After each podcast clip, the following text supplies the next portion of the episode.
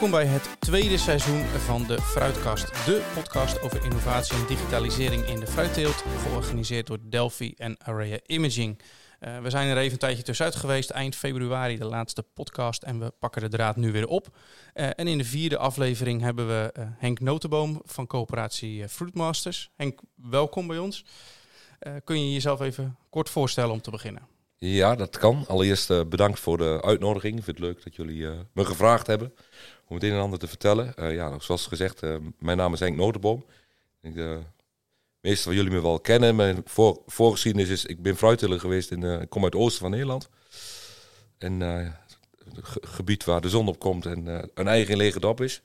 Maar ja, goed, ik heb na het fruitbedrijf ben ik de boomkwekerij gegaan. En sinds zes, zeven jaar, zoals je zei, werk ik voor Fruitmasters. En dan mag ik de begeleiding doen van de clubrassen, de teeltbegeleiding. En uh, ja, dat proberen we vanaf uh, zeg maar uh, de boom tot aan ver in de aanplanten te, meer, meer, te helpen adviseren. Dus dat is mijn taak. Oké, nou klinkt interessant. we hebben een lijstje met vragen. We hebben hier vast wat, wat volgelicht gaan hebben over rassen en ook de link met ja, de digitalisering en de precisie fruittelen.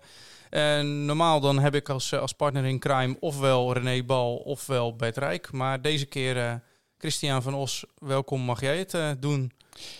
Ook werkzaam bij, werkzaam bij Delphi? Ja, ik ben ook uh, werkzaam bij Delphi als uh, adviseur fruitteelt. En ik richt me ook vooral op de precisietechniek, waar we het vandaag ook over willen hebben. Dus ik hoop dat we hier een, een, leuke podcast weer van kunnen maken vandaag. Ja, als het aan mij ligt gaan we dat zeker doen.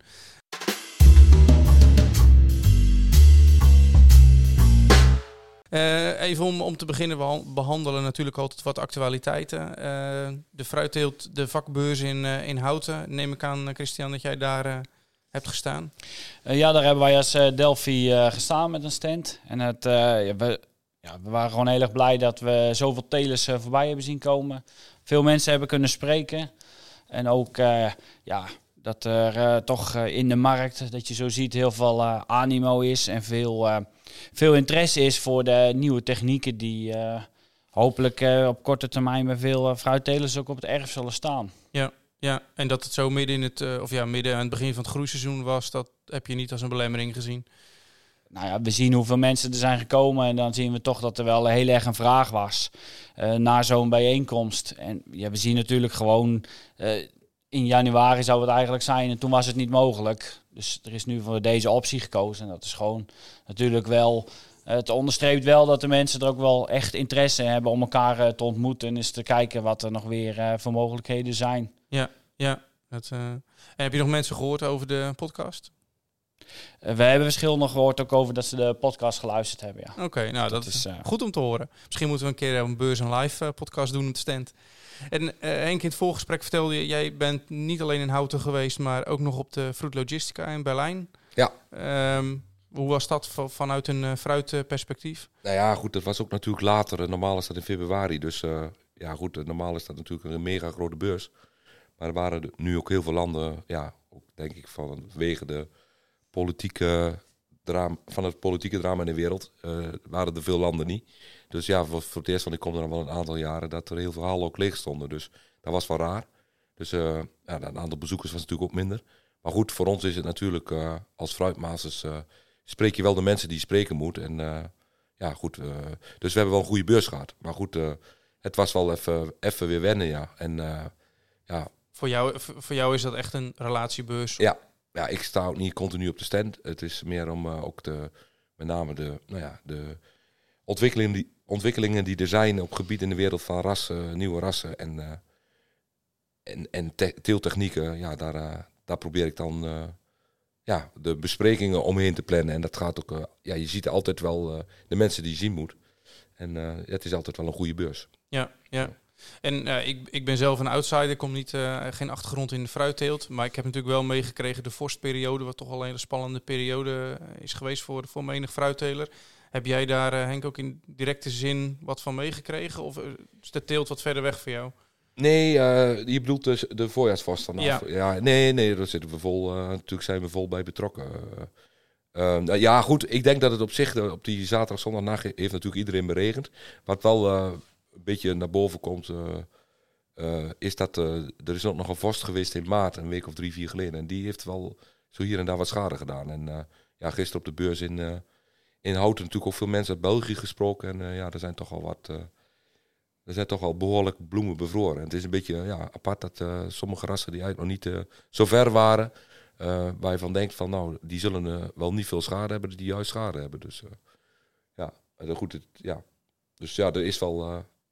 er is wel schade, maar ik denk gemiddeld genomen van de mensen die hebben kunnen beregenen dat het allemaal wel goed, goed Ja. afgelopen is. En, en als je kijkt naar de, de setting van het fruit, Christian, kun je daar al wat over zeggen? Wat, wat zijn je verwachtingen voor dit seizoen? En dat is natuurlijk ook heel erg afhankelijk van hoe nu het, eh, het weer is. Maar je ziet nu dat de peren best wel een mooi stabiel weer hebben. Ook voor, eh, voor de zetting. Ja, de, de appels gaan vanaf nu zo'n beetje komen de eerste bloemen open in de meeste gebieden.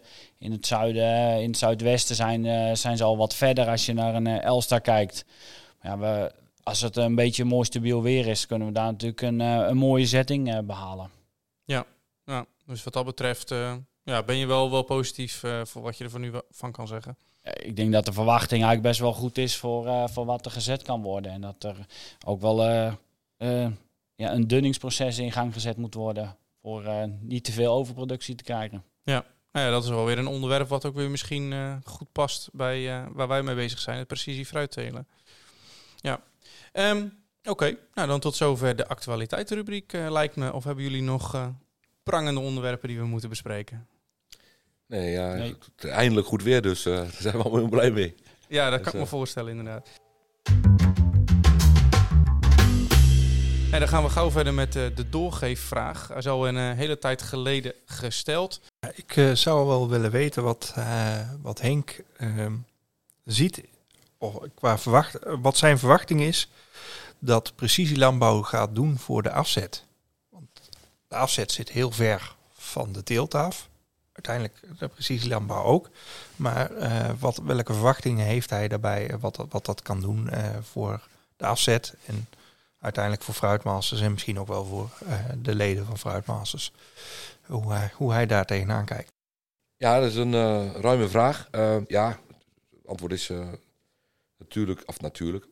Natuurlijk kan het meerwaarde bieden, maar ja goed, het is net hoe je die vraag bekijkt natuurlijk. Eh, maar ik denk dat het met name op het gebied van eh, kwaliteitsverhoging, zeg maar, eh, een betere pack-out eh, klasse 1 vruchten, en dan met name voor de clubrassen, is natuurlijk heel bepalend voor het rendement van je, van je boomgaard. En eh, ja, ik denk zeker dat precisielandbouw daar... eh, een heel groot, eh, eh, heel, hoe noem je dat? Een, eh, een hele goede taak in kan hebben. Eh, Kijk maar naar eh, de, de groeiregulatie van de percelen en, eh, en ook de dunning waar we net al over hadden. Eh, ja, goed.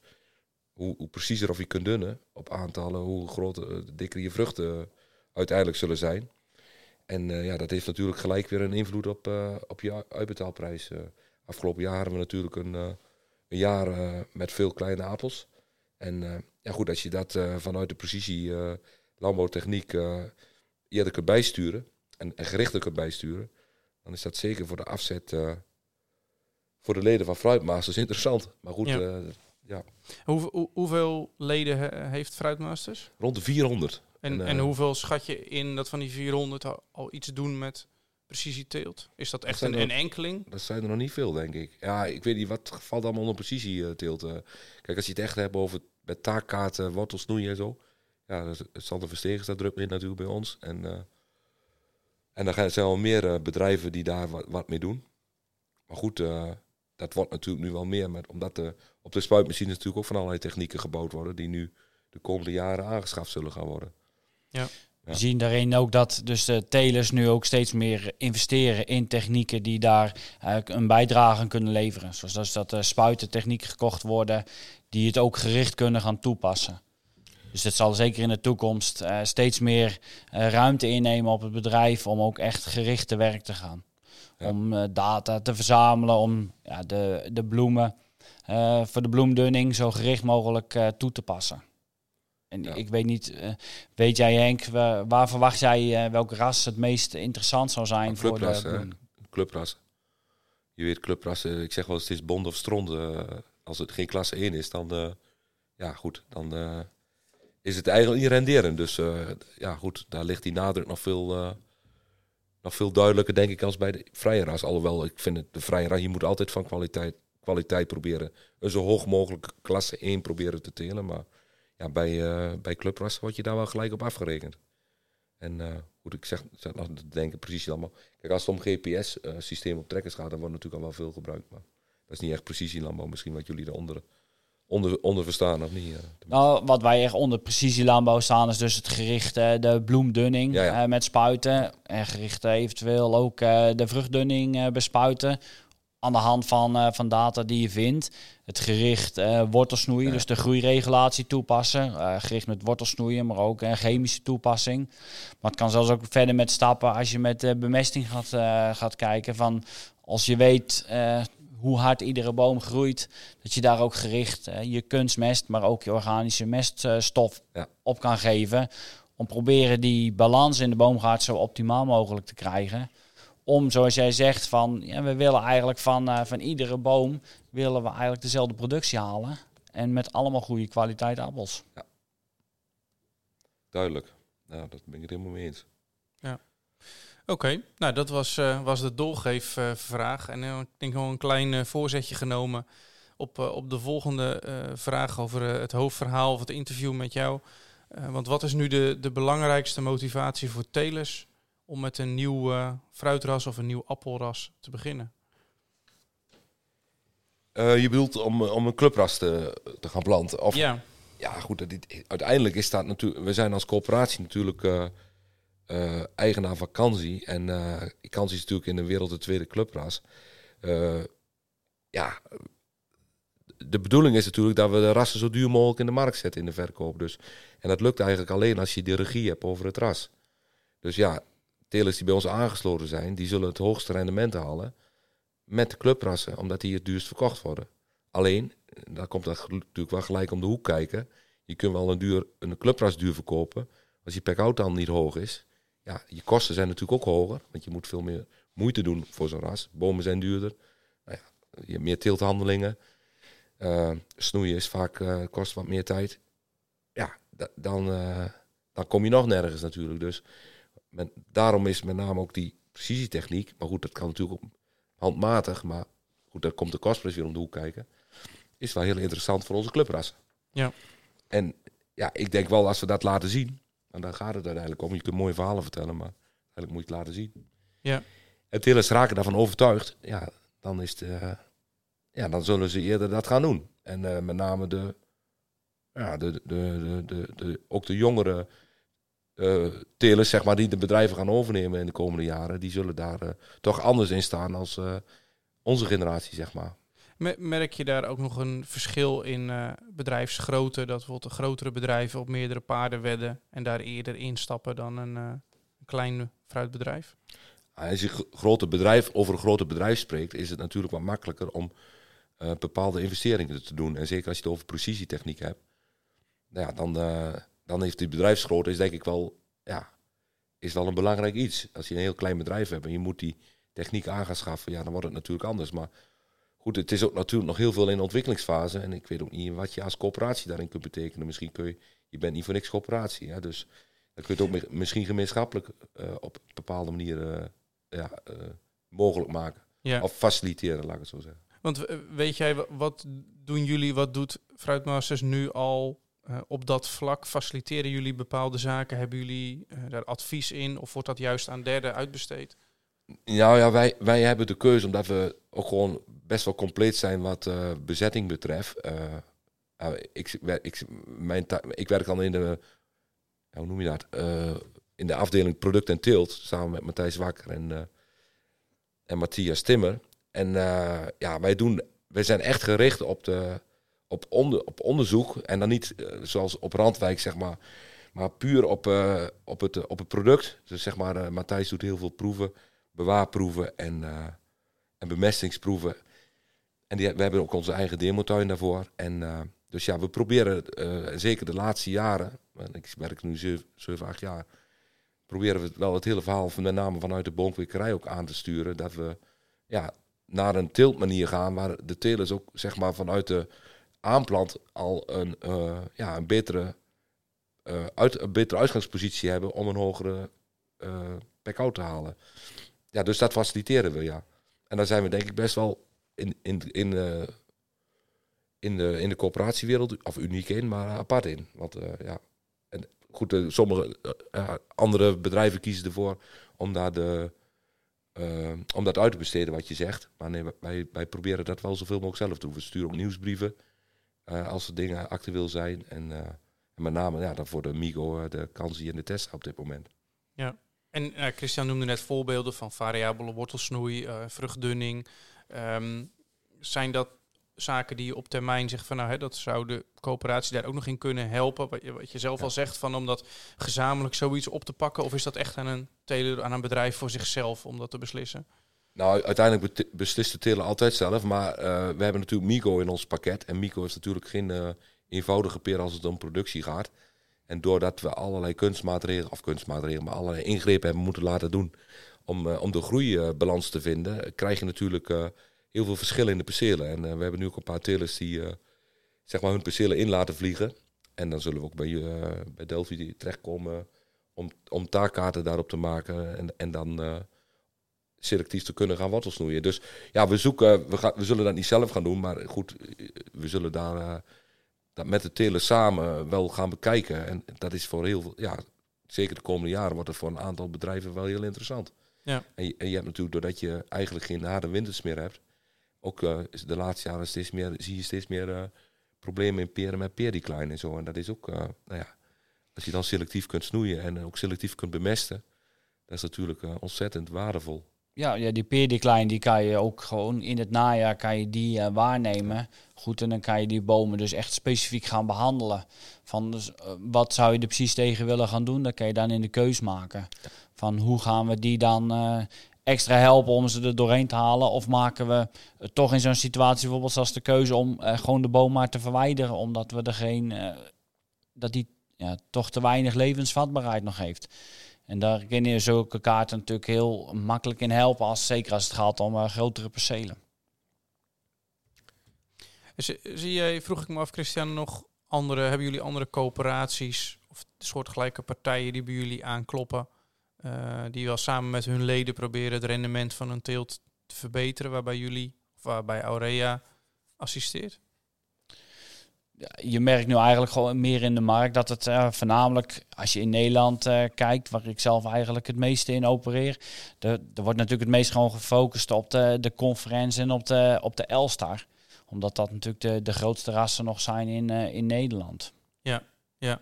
En dat zijn natuurlijk wel de, de vrije rassen.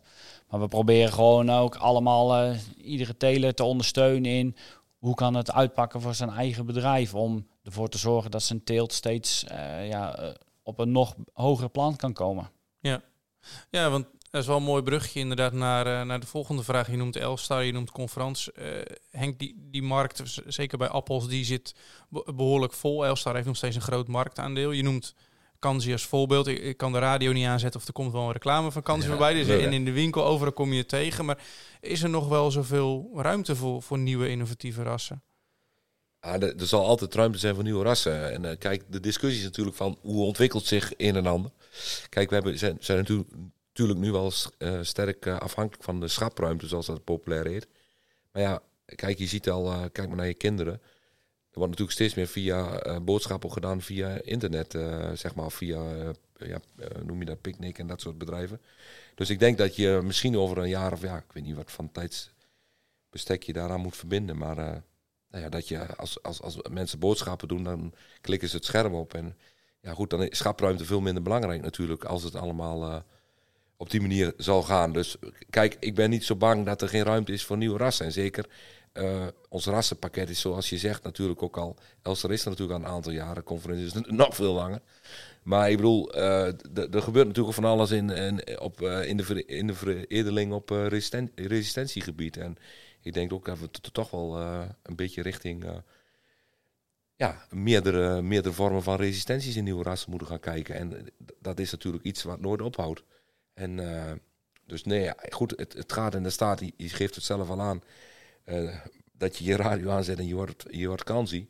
Ja, de, de, marketing die erachter zit en die, dat ras in de markt weet te brengen, onder de aandacht weet te brengen, ja, dat zal bepalend zijn. En dat is met Kansi natuurlijk ook. En Pink Lady is natuurlijk het, het, het schoolvoorbeeld ervan, maar Kansi is een goede tweede op dit moment. En dat komt natuurlijk ook heel erg door die, eh, door die marketing. Ja. Kijk, wat je wel nu moet proberen, vind ik. eh, Kijk, toen in de tijd dat Kansi geïntroduceerd eh, werd, we hadden er natuurlijk ook op, op, op, op het gebied van bespuitingen zoveel meer mogelijkheden en middelen en zo. En je, je, je moet toch wel nu, denk ik, naar een duurzamere vorm van, van teelt toe. En eh, goed, dat kan ook met traditionele rassen. Maar eh, ja, dat, daar zal de focus op komen liggen. Dus eh, nee, ik ben daar niet bang voor dat dat niet kan. En je, je, je noemt nieuwe rassen met resistenties. Is een consument, denk jij, bereid om meer te betalen voor een duurzame appel of een duurzame peer die op een milieuvriendelijkere wijze wordt geproduceerd? Ja, ik denk dat de prijs niet, niet, niet bepalend is. Als, k- dat kun je nu ook zien als je naar de clubrassen kijkt, Kansi en eh Pink Lady in de schap. Eh, er wordt gewoon goed geld betaald voor de appels. Hè? Ik bedoel, door de consument. En ik denk ook niet dat het de bedoeling moet zijn om die rassen, doordat ze duur, zeg maar re- resistent zijn, duurder in de schap te moeten willen zetten.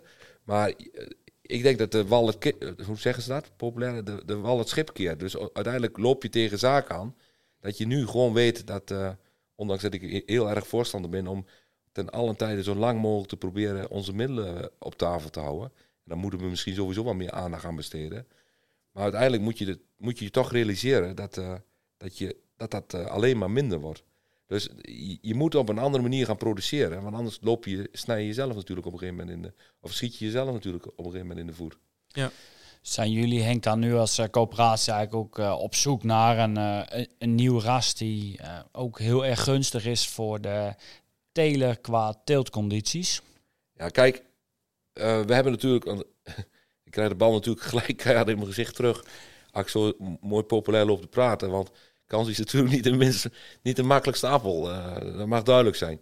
Maar goed, uiteindelijk word je ook door schade en schande in het leven wijs. En kijk, en problemen zijn ook om op te lossen. En eh, goed, daar zijn we met kansie ook heel druk mee bezig. En ik weet dat we de komende jaren echt een paar forse stappen kunnen zetten. Waardoor we dat Nectaria-verhaal ook eh, een eind in nek kunnen omdraaien. In ieder geval de, de latente druk die in die aanplanten eh, kan komen. Maar goed, ja, goed, de nieuwe rassen die zullen komen. Kijk, in eerste instantie wordt een appel altijd gewaardeerd op de smaak en het uiterlijk. Hè, want die, de consument die koopt met het oog natuurlijk. En ook als een appel niet smaakt, dan uiteindelijk dan heeft zo'n appel geen, geen kans. Maar dan, eh, ja, wat, wat steeds belangrijker wordt met de, hoge, de oplopende kosten, is dat, eh, dat die appel gewoon onder een normale omstandigheden in een ho- hele hoge pek-out geteeld kan worden. En daar kijken we natuurlijk nu wel meer naast dan we in het verleden was gedaan hebben. Maar goed, dat komt ook omdat, en dat is wel mooi natuurlijk, omdat, en dan spreek ik voor fruitmasters, we dat ook allemaal in huis hebben. Dus we, we, als we rassen krijgen, zetten we ze op de proeftuin. En dan weten we in twee, drie jaar al, eh, als het echt eh, moeilijk is, ja, dat valt natuurlijk gelijk op. Dus ja, dan is het natuurlijk ook al heel snel van, eh, ja, moet hier wel aan beginnen. Maar Ja. goed, uiteindelijk is het, eh, je hebt natuurlijk altijd twee kanten, ook in de coöperatie. Dus de commerciële kant en de, en de, en de teeltechnische kant. En in de coöperatie is natuurlijk de commerciële kant vaak bepalend. Hè? Want die moet, uite- uiteindelijk zijn we als coöperatie een partij die het fruit voor de teler verkoopt. En dan zeggen ook wel telers van ja, waarom bemoeien jullie überhaupt met teelt? Want jullie moeten die appels zo duur mogelijk verkopen.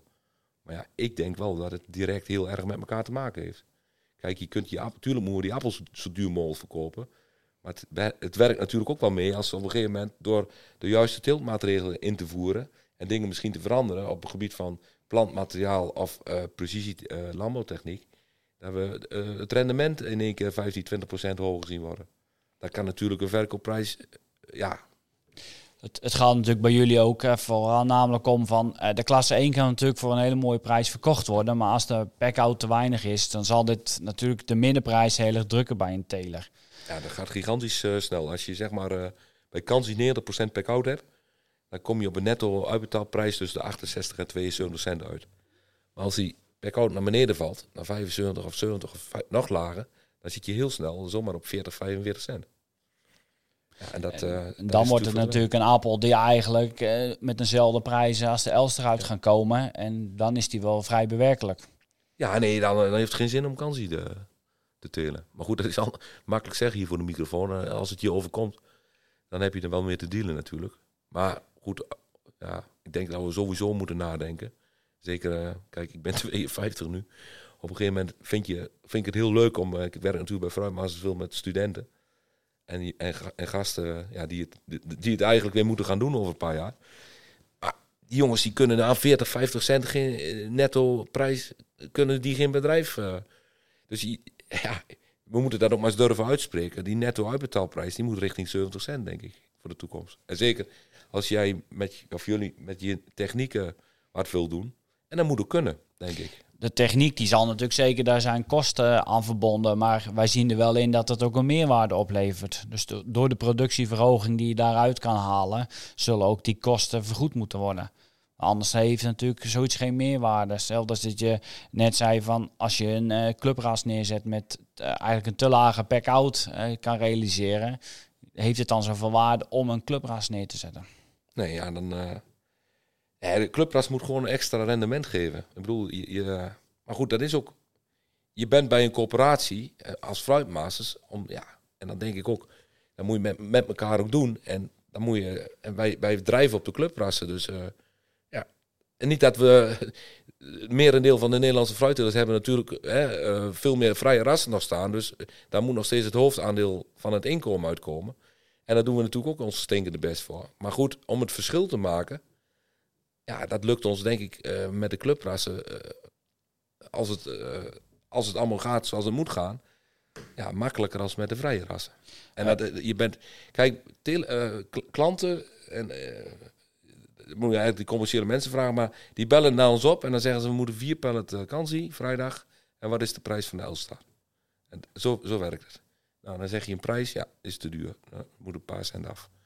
Nou, dan ben je natuurlijk nooit klaar. En als je dan, ja, zo werkt het. Dus kijk, en dat weten we. Dus, en, eh, ja, dus de uitdaging zit erin om de telers daar verder in te helpen. Met, met eh, wat, je, wat je net eh, allemaal vertelt, neemt de noodzaak voor precisieteelt dan niet alleen maar toe wanneer je meer toespitst op die clubrassen? Om dat, om dat rendement te halen. Ja, zeker. En ik denk, je hebt het nou over bloemdunning en, en taakkaarten voor eh, wortelsnoei. Maar ik denk ook voor de gewone algemene snoei. We moeten naar een systeem toe dat we zeg maar met een kliksnoei werken. Wat ook een robot gewoon die snoei kan doen, zeg maar. En, eh, en ik denk dat dat kan op die manier. Een tweedimensionale eh, haag, zeg maar. En, en niet meer dan 85, 90 appels aan de boom. Want ik zag ze van de week ook weer staan. Ik ben er natuurlijk hartstikke blij mee dat die machines er zijn. Maar ik denk dat een bladblazer niet het, de oplossing van het probleem kan zijn om je pack-out naar boven te, te halen. Zeg maar. Je moet het in de boomgaard moet je doen. Je moet de balans van je vruchten vinden. En, en, en ja, goed, waar je tegenaan loopt is dat er nog steeds te veel appels gemiddeld aan een boom hangen. En dan kom je met de bladvruchtverhouding scheef en dan duurt het pluk veel te lang. Eh, kijk, De bladblazer is natuurlijk ook gericht op om eh, meer kleuring te krijgen Ja. op een eerder moment.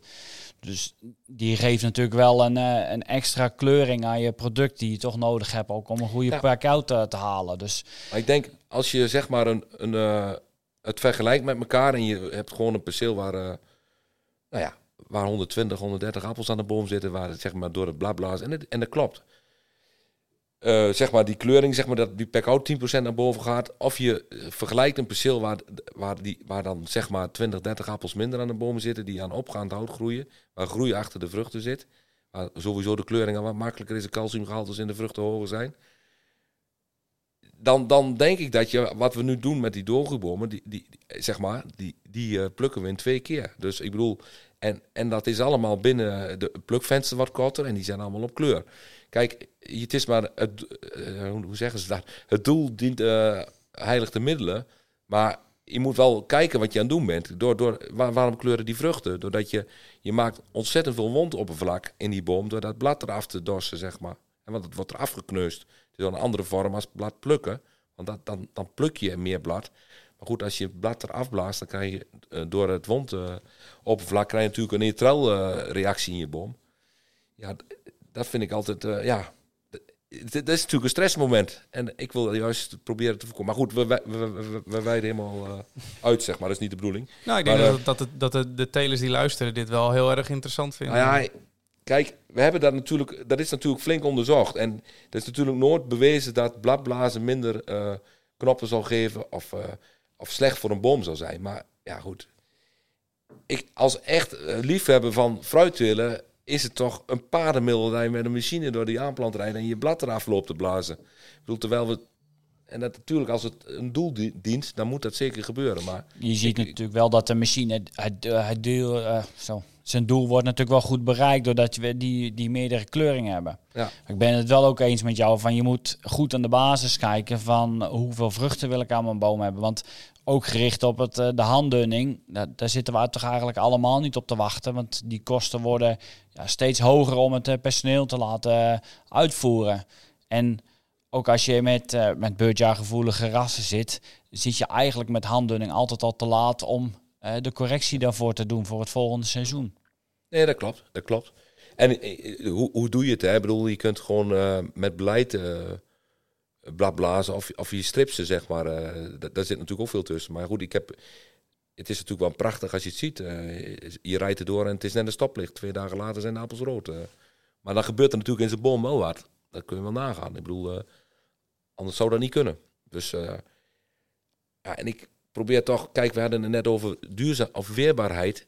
Ik denk dat we echt de kant op moeten dat we vanuit de boom en de plant, en dan word ik net zo'n goeroe misschien, maar vanuit de boomplant gaat denken en dat je zo min mogelijk stressmoment in die boom uh, uh, creëert. Want stress, kijk maar naar jezelf, als je zelf over de kop gewerkt hebt dan, en er is een virus, dan ben je er ook bij. Kijk, als een boom 85 of 90 appels hoeft groot te brengen. En die staat gewoon. Ja, je kunt dan de kleur van het blad, je kunt dan de kleur van het hout.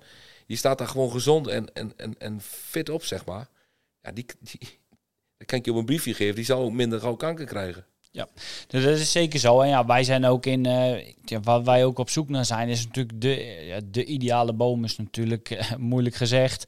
Maar wij zijn ook aan het kijken van, ja, door alle percelen heen, van eh, wat zijn nu de parameters waar we ook op naar moeten kijken? En hoe kunnen we sturen? Van, en hoe kunnen we dan, als we die boom gevonden hebben die een goede productie geeft, met uh, het liefste zo, uh, zo hoog mogelijk met een hoog mogelijke packout, hoe kunnen we die dan voor de rest in het veld ook dupliceren? En dat kan je dan dus ook zien door, door data vast te leggen per boom. Want als je dan dus ook de juiste boom vindt, als je in de toekomst ook de, de opbrengstcijfers eh, per boom zou kunnen waarnemen, dan kom je er helemaal op uit van wat is nu je ideale boom in, deze, in dit gebied met jouw uh, grondsoort. En daar willen we ook een beetje heen van hoe kunnen we zelfs daarheen sturen. En dat zijn nu ook de eerste stappen die we daarmee zetten, dus met de precisietechniek, om de balans in ieder geval zo te krijgen dat het, eh, het veld zo egaal mogelijk wordt. Ja, nee, dat ben ik helemaal met je eens. En ik denk dat je dat vanuit plantmateriaal ook, uh, nou, in het voorgesprek dat we hier uh, koffie zaten te drinken, hebben we het er al over gehad. Maar ja, ik denk dat met name in het plantmateriaal heel veel te, nog heel veel te schakelen is.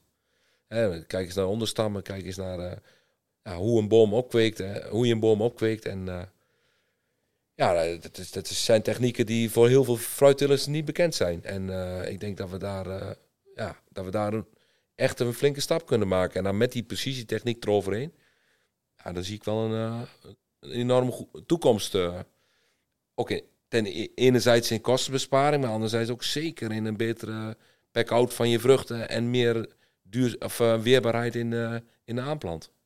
Ja, Christian, ja. Jij, jij, jij hebt het over data en Henk, noemde een paar keer jullie eigen proeftuin. Als je kijkt naar, nu naar nieuwe, nieuwe rassen en alles wat daarbij komt kijken, in hoeverre maken jullie daar nu al gebruik van data om, om hè, we, zeiden die, die perfecte boom te creëren of, of dat uh, ideale nieuwe ras? Nou, we, hebben de, we vliegen eigenlijk de, de, de demotuin wel elk jaar in. Uh, we, veel van de demotuin, of een grote oppervlakte van de demotuin is, is, er staan ook mico. Dus we hebben ja, met dat, we hebben ook meerdere grondlagen in, uh, op de demotuin, uh, van zwaarder naar licht. We hebben zandbanen zelfs doorheen lopen. Dus ja, het heeft ons al wel veel gebracht, zeg maar. Dat je doordat je uh, met warmtekaarten werkt en ook ja, dingen ziet die we eigenlijk wel deels wisten, maar die, die je dan ook gelijk kunt relateren aan zaken die je in de boom ziet. En kijk, die deelmotuin, we, namen, we, we, testen natuurlijk heel veel nieuwe rassen. En dat is puur op, uh, we krijgen 20 bomen of 40 of 50. Die zetten we neer en nou, soms liggen ze na twee jaar ook alweer uit. Uh, zo gaan we die deelmotuin om. Dus echt, wat je nu zegt, uh, die bloesemtechniek en of die, die, die, precisietechniek om bloesem te doen en dat soort dingen. Ja, dat, dat is bij ons nog niet aan de orde. Maar goed, kijk, dat gaat natuurlijk wel spelen. Maar ik denk met name, je moet ook niet Kijk, in Randwijk gebeurt natuurlijk ook veel. En we hoeven geen kopie van Randwijk te worden. Wat wij doen, is weer heel anders dan in Randwijk gebeurt. Maar ik denk juist, wat jullie doen, die precies dat idee dat juist op de praktijkpercelen moet gaan doen. En het daar moet laten zien. Wordt het gevoel van die teler minder belangrijk en dat er meer echt op harde data, wat Christian ook zegt, opbrengstdata, bloesemkaarten, daar meer op gestuurd? Of zeg je van nou, het vakmanschap van die teler, dat, dat staat gewoon op plek ik 1? ik denk dat dat een enorme valkuil is, wat je nu zegt. Ik denk dat juist het vingerspitsengevoel nog belangrijker wordt. Die, die, die fruitteler moet ruiken en snuiven. Die moet weten wat er aan de hand is. En dan moet hij het werk laten doen door die taakkaarten. Maar niet blind staren op de cijfers. Dat kan niet. ik denk, uh... Zoals ja, wat Henk zegt, is echt heel erg belangrijk. Van die validatie. Dus dat, dat gevoel van de teler. Want die data wat een, wat een drone vliegt, dus de, de bloesemdata, dat zijn, dat zijn gewoon hele harde getallen. Maar de teler moet dus dat uh, uh, valideren. En samen met zijn, eh, zijn voorlichter of zelfstandig moet hij daar dus de keuze maken van, maar wat ga ik nu doen bij deze boom? En dan gaat het er niet om. Uh, dus hij ziet gewoon verschillende bomen en uh, nu maakt hij de keuze op basis van wat hij in het hele veld ziet, omdat hij het als hij het nog niet specifiek kan behandelen, dan is het het gemiddelde gevoel. Maar als hij natuurlijk de mogelijkheid krijgt om de keuze te maken van oké, maar deze boom die heeft nu 200 bloemen en die wil ik eigenlijk ook terugdoen en dat ik maar 100 vruchten overhoud, die wil ik dan zo behandelen. En dat is nog steeds het gevoel wat de teler weet van hoe reageert mijn perceel. Maar een boom die dan nog maar uh, eh, 70 bloemen hebben, die wil die eigenlijk anders behandelen. Maar als die in de minderheid staat, ja, dan gaat die gewoon mee over het hele perceel. Want tijdens de spuit even snel je spuitboom uitzetten om die ene boom ertussen uit te halen. Dat is handmatig zelf ja, praktisch niet doende. Dus het gevoel van het telen van en de keuze van wat ga je doen, die wordt juist nog belangrijker daarbij. Omdat de, de telen maakt de keuze van wat ga ik nu toepassen op welke boom. Alleen nou krijgt hij de mogelijkheid om zijn, zijn range veel breder te maken. Hij krijgt de mogelijkheid om meer keuzes weg te leggen. Waar hij normaal zou zitten, ja, moet ik het hier eigenlijk wel doen? Want ik zit een beetje te dubben. Want ik vind, die ene hoek is niet zoveel uh, bloemen. Dus ik wil eigenlijk wel genoeg productie hebben. Dan kan hij nu zeggen, oké, die met weinig bloemen, daar doe ik niks. En die met eigenlijk wel net te veel bloemen, die wil ik wel behandelen. En dat willen telen nu eigenlijk ook doen. Alleen als de techniek er nog niet gereed voor is, dan is dat heel erg lastig toepasbaar. Ja, ja en wat ik net ook zei, uh, kijk, op een gegeven moment heb je een probleem. En dat haal je dan met die precisietechniek, haal je dat eruit. Maar je moet natuurlijk altijd proberen dat probleem op te lossen. Kijk, als je banen in je perceel hebt, of wateroverlast, of noem het maar op. En je ziet dat bepaalde delen harder groeien en zachter groeien. Dan kun je natuurlijk door die taakkaart en alles, door dat wortelsnoeien selectief, kun je proberen die, ga je proberen zeg maar, en over harde, data hebt, ga je dat perceel proberen gelijk te krijgen. Maar het probleem is dat, dat die plek waar het water staat, dat je dat aan moet pakken. Hetzelfde, zeg maar, uh, als je, nou ja, kom ik weer op de bladblazen, maar goed. Als er echt te veel appels aan die boom hangen, dan is de, dan is de oplossing niet die bladblazen, maar je moet gewoon zorgen dat die, dat, dat die boom in balans is. En dat is met die perceel ook zo. En dat, dat, dat is natuurlijk wel een enorm, wat ik net ook al zei, een valkuil, weet je niet. Omdat je denkt van, nou, nou heb ik het in beeld, dan kan ik het regelen uiteindelijk moet die teler natuurlijk heel goed weten uh, hoe die met zijn gronden moet gaan, hoe die met de bomen moet gaan. Hè? En, en dat stukje vakmanschap, dat zal alleen maar belangrijker worden. Ja, het vakmanschap is dus echt om goed te bepalen wat is nu eigenlijk de oorzaak van wat ik zie. Als je de verschillen in het perceel ziet, waar komt dat nu precies door? Dus of de, de balans van de boom is niet goed, of zoals Henk zei, van ja, als je een heel nat plek in je perceel hebt, dan kan je daar met, uh, met de groeikracht, ja, ze groeien niet.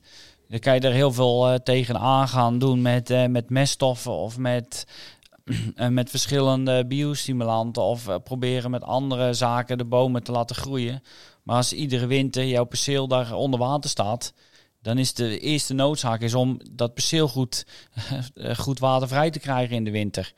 Want we kunnen heel veel proberen, maar we moeten ja, de concreetste oorzaken moet je, moet je als eerste aanpakken. En je vertelde van nou, de, de, de proeftuin bij Fruitmasters wordt ieder jaar wel, wel ingevlogen, eh, die data. Bewaren jullie dat ook? Bepaalt dat ook mede eh, of een, een ras een, in potentie succesvol is? Ja, dat, dat, dat, in, in principe wel. Maar kijk, met Mico hebben we natuurlijk lopen we tegen dingen aan die we van tevoren niet helemaal in beeld hadden. En ook niet verwa verwachten aan de hand van de proefresultaten die er, die er toen waren vanuit België met name. Kijk, dat is, dat, dat, is, dat is een feit. Dus je zit met, die, met dat ras en met die eigenschappen. Dus dan moet je daarop gaan schakelen. Kijk, dan kun je door die, door die, door dat, door die precisietechnieken toe te passen kunnen we niet zeggen, oké, nou, dan doen we dit ras maar niet. Weet je niet? Dat ras is al gekozen, daar staat er. Die bomen staan in de grond. Dus uiteindelijk moet je oplossingsgericht werken en moet je zien, proberen met de telers, door die toepassing van die technieken, dat we, dat, dat we die bomen wel aan het produceren krijgen. En ja, ja dus dat zal wel, ja, maar ja, dat is toch lastig hoor. Want ik bedoel, wat ik net ook al zei, ras wordt ten eerste commercieel beoordeeld. En dan is, die commerciële mensen, met alle respect voor die mensen, die hebben natuurlijk keine aanhoeng van teelt. En wat daar allemaal bij komt kijken. Doe ik nog heel veel mensen tekort door dit te zeggen. Maar... En, eh, en een nieuw ras moet aan, aan zoveel factoren dan inderdaad voldoen. Uh, wat je zegt, commercieel, hij moet er goed uitzien, hij moet lekker smaken. Um, het rendement, zowel uh, qua opbrengst, maar dan ook het financieel rendement moet goed zijn. Je wil eigenlijk uh, resistenties zo weinig mogelijk hoeven, hoeven in te grijpen. Hebben jullie wel rassen in de pijplijn zitten die aan al die factoren voldoen? Maar ja, het is natuurlijk al een, een, verademing.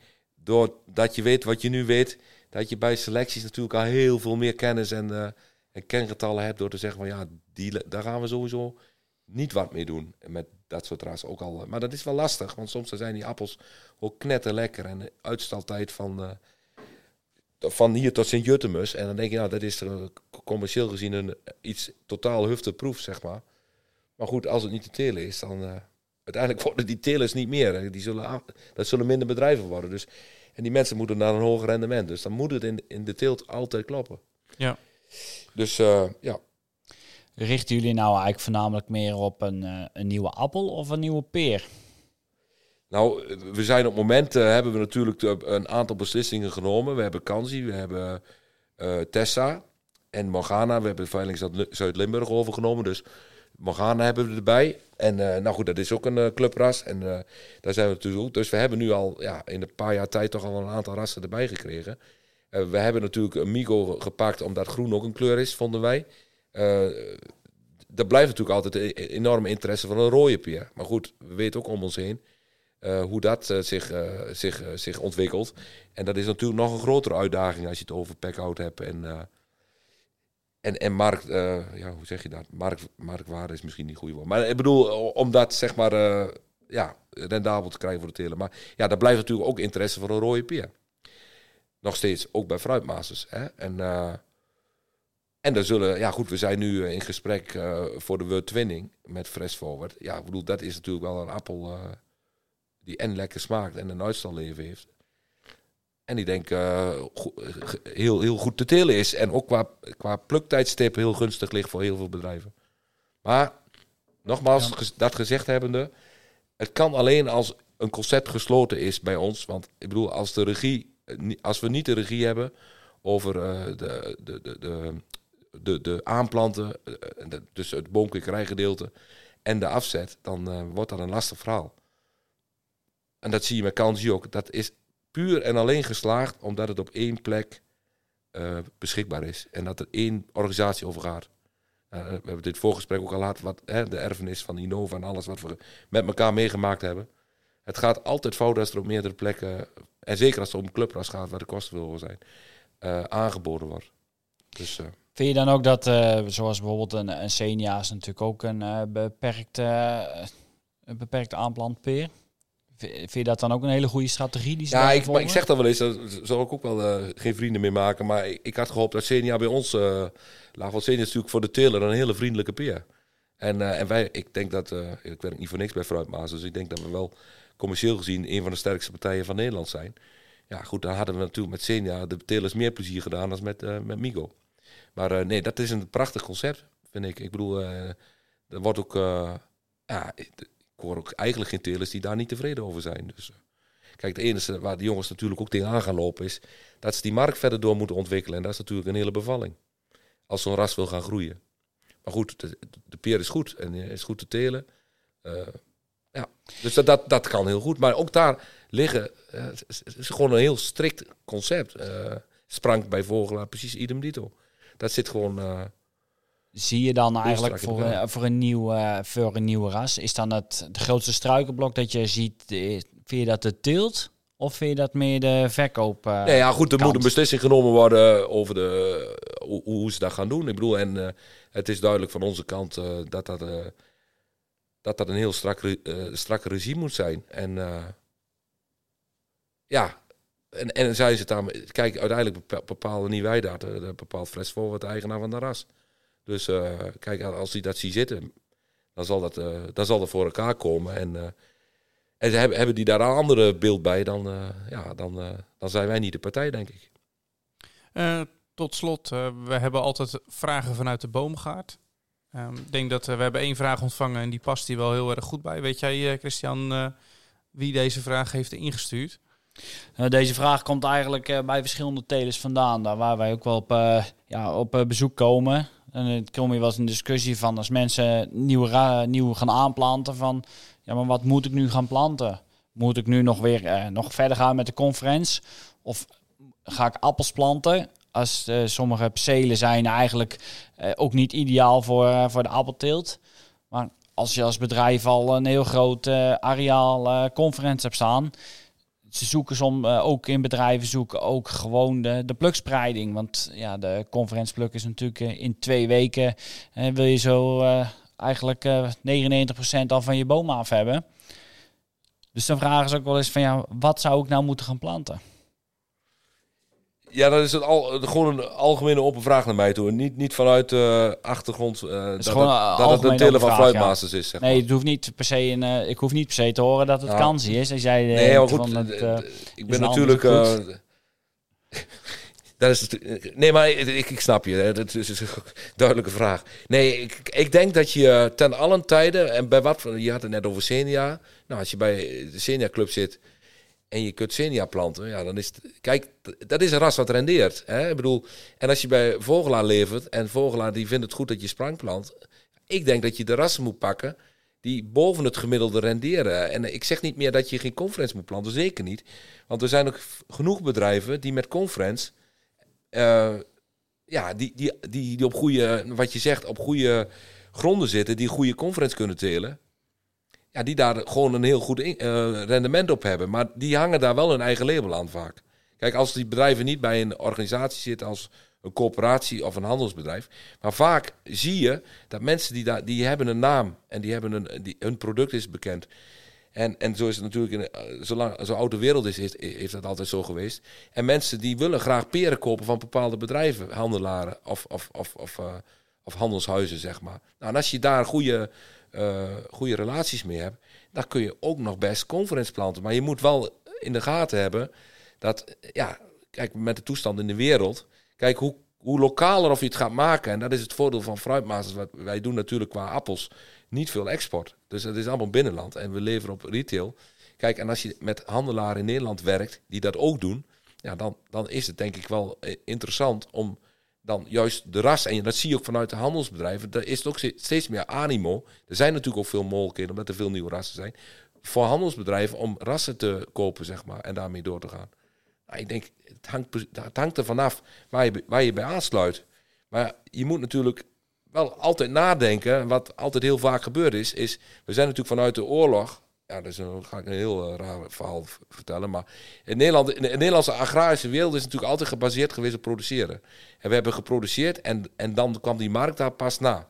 Hè, want eh, mensen zijn doodgegaan van honger in de oorlog. En dan mocht natuurlijk nooit geen honger meer geleden worden. Dus alles is, geba is gebaseerd op produceren. Ik denk ook dat Nederland het enige land is waarin het 8 uur journaal eh, aandacht is voor een, een oplopende aardappelprijs omdat het twee weken nat geweest is. Dat is. Eigenlijk is dat een belachelijke situatie. Als je ziet wat dan die aardappels op dat bord aan extra geld kosten, dat is natuurlijk peanuts. Maar dat zit zo in onze genen. En dat moet eruit. We moeten produceren naar de markt en niet om te- en we moeten niet produceren om het produceren. En dat is wat ook veel telers natuurlijk, ook vanuit een stuk eh, zekerheid, met die eh, traditionele rassen, het moeilijk vinden om op een gegeven moment wat anders te gaan doen. Maar ook daar moeten de organisaties waar je dan bij aangesloten bent, achter gaan staan om als er dan iets gebeurt, wat in het verleden natuurlijk ook heel vaak niet goed gegaan is, dat die mensen dan niet eh, aan hun lot overgelaten worden.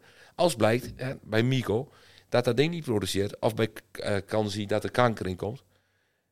Dan moet je ook als organisatie daarachter staan en, en daar met elkaar uit proberen te komen. En ik denk dat we daar, tenminste dat gevoel heb ik, bij Fruitmasters wel goed doen. En, en ik denk dat heel veel, ik, ik heb dat natuurlijk gisteren ook gesproken, uh, heel veel handelsbedrijven en mensen daarvan, zich daar ook heel erg goed uh, zich bewust van zijn.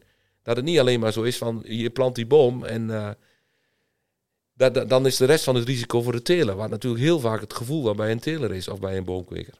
Dus eigenlijk hoor ik jou hier ook zeggen van probeer ook uh, als teler zijnde goed in goed overleg te gaan met degene waar jij je afzet doet. Ja. En goed na te denken van en, waarom ga ik dat produceren? En kom er voorop. Hè. Ik, ik, velen die me kennen die weten dat ik een enorme Formule 1 fan ben.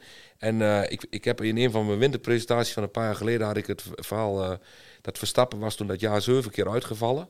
En toen zeiden ze allemaal, ja, die is weg bij Red Bull, die gaat naar Mercedes of die gaat naar Ferrari of weet ik het wat. Nee, Ferrari was toen nog niet zo in beeld, maar...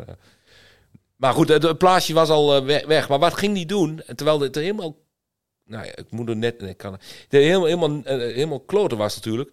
Hij ging naar zijn fabriek en dan ging zijn mensen motiveren. En twee races later won die. Maar dat zie ik ook vaak. En ik, verwijt telers helemaal niks. Hè, want ik ben als geen andere binnen de organisatie weet ik waar wie mijn salaris betaalt. Maar heel vaak hebben telers wel een mening, maar als, er dan echt, als het dan echt ook... Kom er dan ook mee. Hè? Kom naar je organisatie en probeer met elkaar verder te komen. Ook al sloot je een keer de neus. Gewoon blijven. Je moet het met elkaar doen. En, en, en ja, goed, daar heb ik ook heel veel zin in de komende jaren. Dingen gewoon laten zien. En, uh, en de verschillen laten zien. En we kunnen nog gewoon heel veel schakelen. Normaal dan sluiten we af met de, de doorgeefvraag voor de volgende gast.